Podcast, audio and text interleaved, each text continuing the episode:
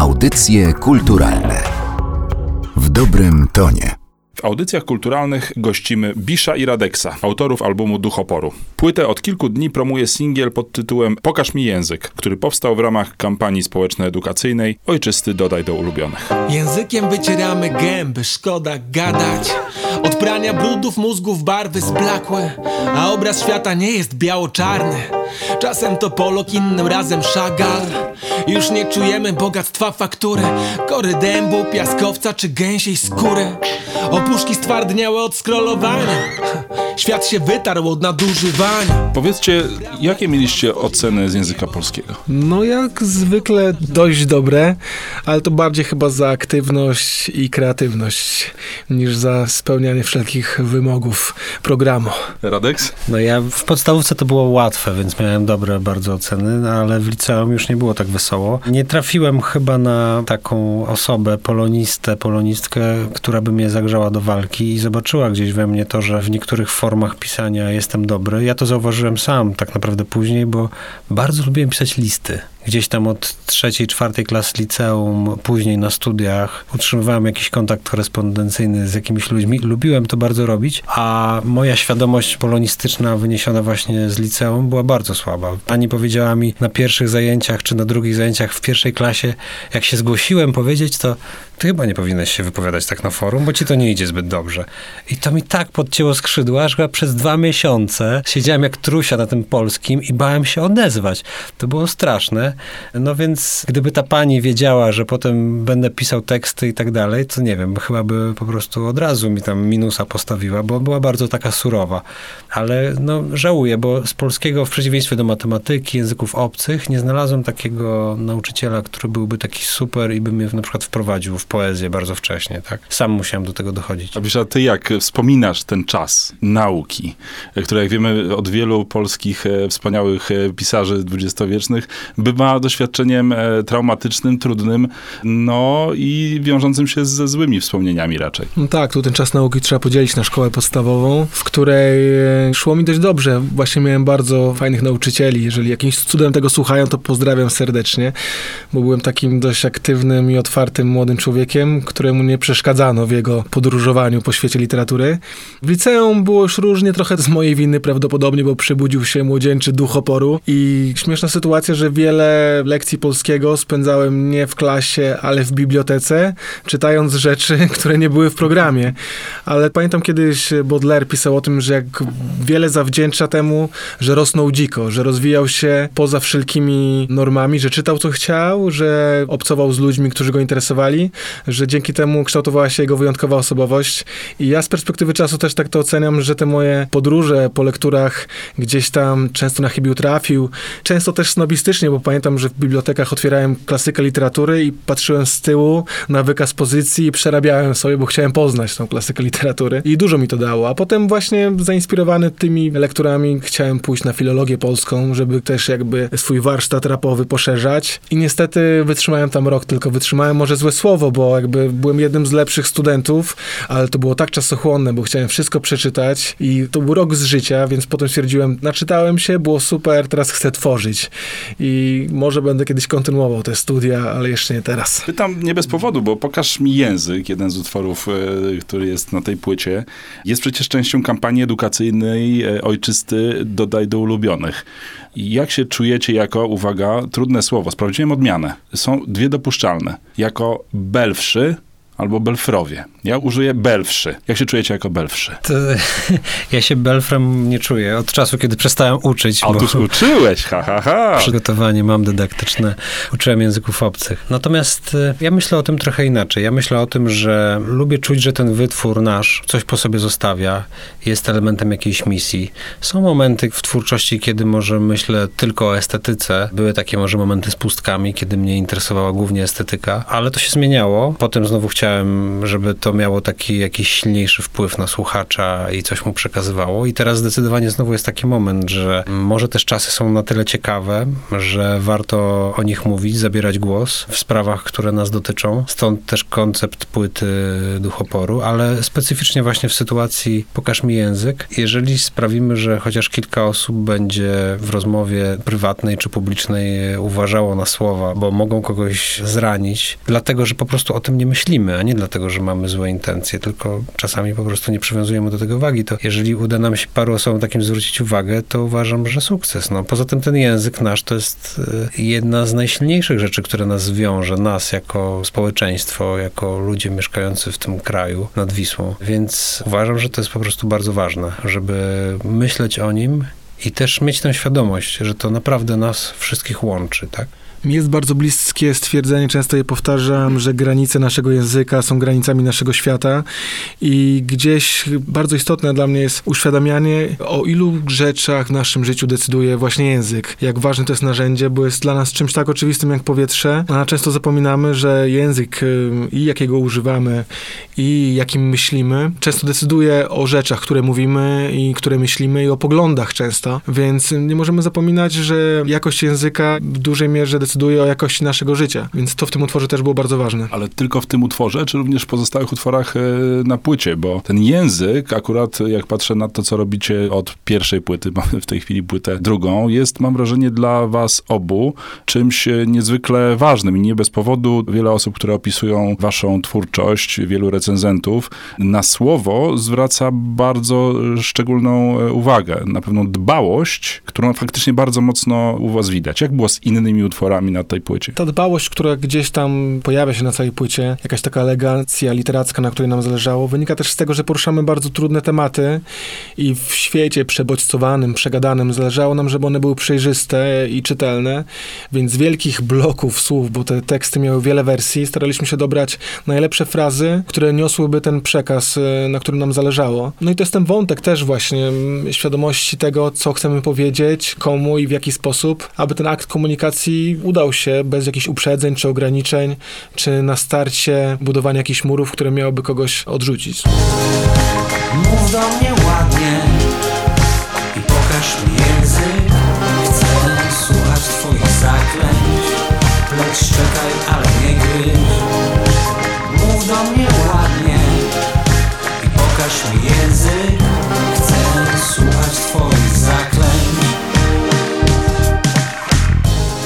Bartek Haciński w swojej recenzji napisał wręcz, że utwór e, Pokaż mi język mógłby stać się hymnem Rady Języka Polskiego chyba. Chcielibyście, żeby coś takiego się wydarzyło, jeszcze idąc dalej tym tonem edukacyjnym, czy uświadamiającym może, Radek? Ja przeczytałem tę recenzję i też już dotarło do nas sporo sygnałów o tym, jak ta płyta jest odbierana. Także ten utwór Pokaż mi język i mam gdzieś taką podskórną satysfakcję, taką aż we mnie to buzuje, że wreszcie mam niezbite dowody na to, że wykonałem coś, co jest przydatne. Że, tak jak powiedziałem, miałem różne okresy myślenia o tym wytworze, czy tak no, nazwiemy go sztuką, czy twórczością, to, co z siebie wyrzucamy, ale może to są właśnie czasy, w których żyjemy. Uważam, że ten utylitaryzm, ta przydatność jest bardzo ważna, bo otacza nas tak dużo estetyki wydmuszkowej zewsząd. I z muzyki, z filmu, z literatury. No media są tylko tym, że ze świecą szukać dobrych treści o bardzo ładnej formie, tak? Zauważam po prostu we współczesnej kulturze bardzo duży dysonans między treścią a formą, między zwracaniem uwagi na jedno i drugie, że ta kultura masowa idzie w stronę tej formy,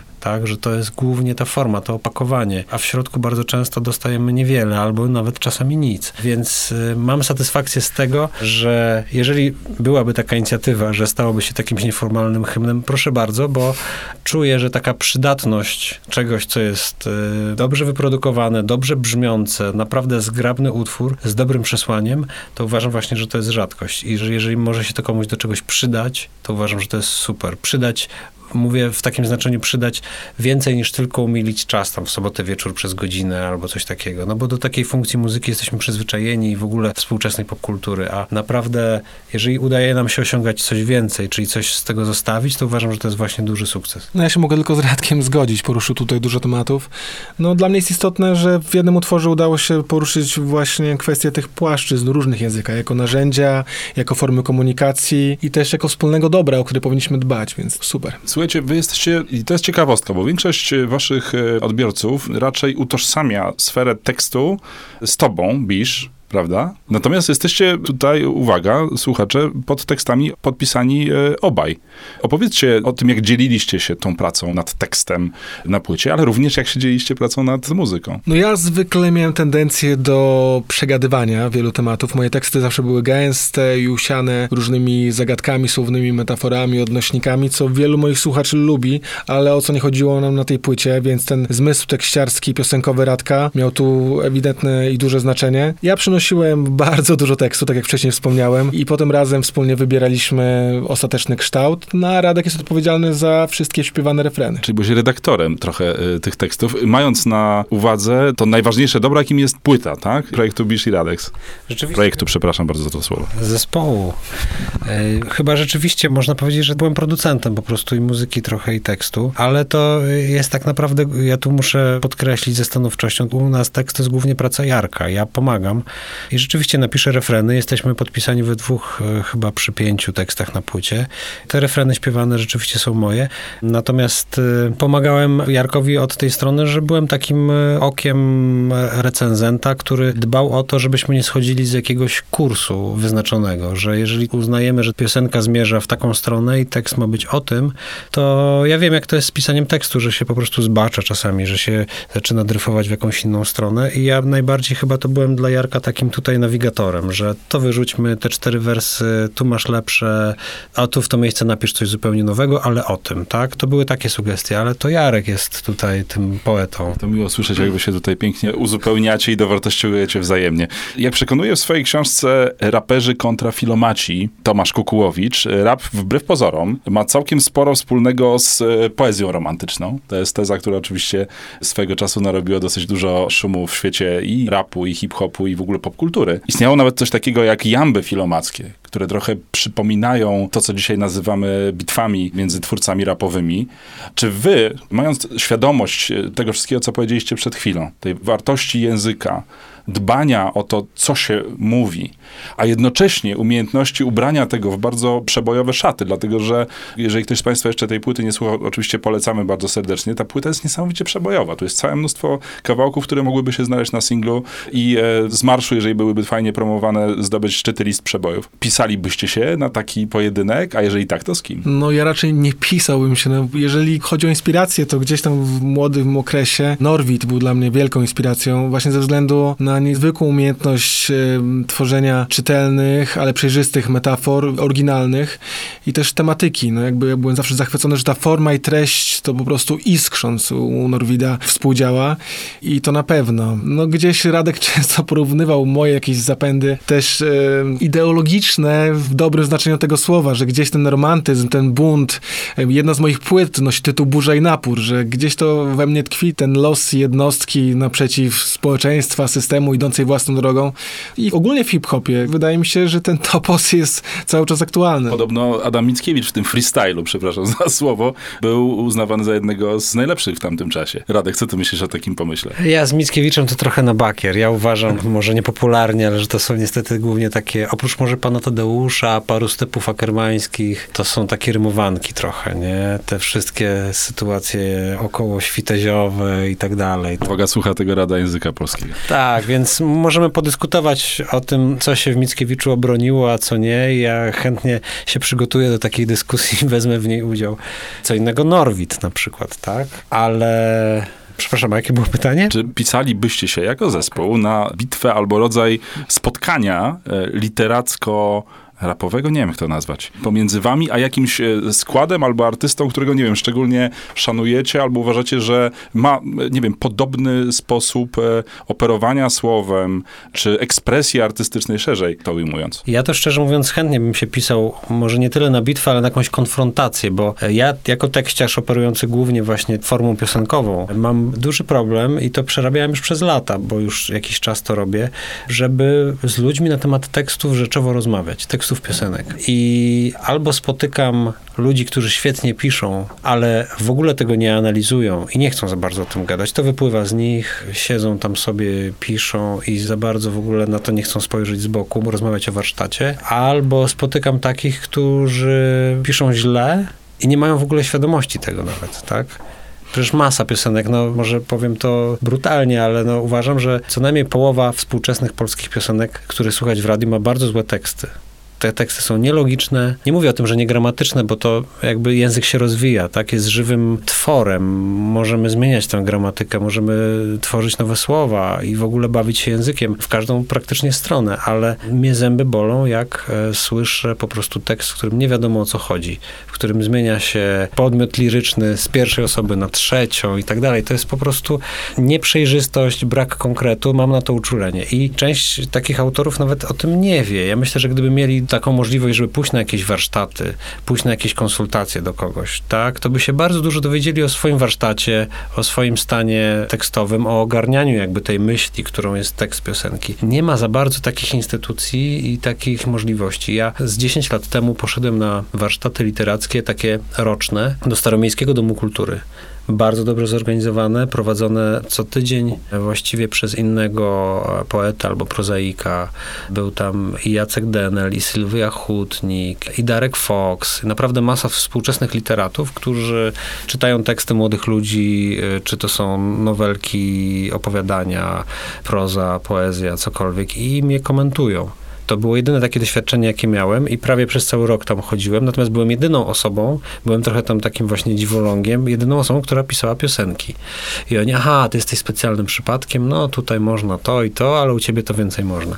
Ale generalnie nie ma za bardzo takiej instytucji, czy nie ma takiego miejsca. Ja naprawdę już chyba sam pójdę do jakiejś instytucji, myślałem o ZAIKS-ie, bo oni się angażują w takie sprawy, żeby ich zarazić taką myślą, zrobić takie cotygodniowe warsztaty, że okej, okay, tym tygodniu w czwartek przez trzy godziny dyżuruje Pablo Pawo na przykład, tak? Żeby się zapisać na warsztaty, trzeba mu wysłać teksty swoje trzy dni wcześniej, żeby on miał szansę przeczytać. Każdy ma tam po 20 minut, może z nim porozmawiać o swoim tekście, tak? Ja uważam, że w tym by była moc, bo jest moim zdaniem tyle ludzi z młodych zespołów, albo nawet nie tylko z młodych, bo ci tacy, co już wydali trzy płyty, ciągle też mogą potrzebować takiej pomocy, konsultacji. Tego naprawdę nie ma. A potem dziwimy się, że ja się na przykład dziwię i wielu też dziennikarzy, że te teksty piosenek są takie złe. Bardzo dużo ich jest złych. No czyli w takim razie mamy tak, po pierwsze rzuconą rękawicę, jeżeli chodzi o jakiś rodzaj konfrontacji. Nie nazywajmy tego bitwą, bo chyba nie o to chodzi.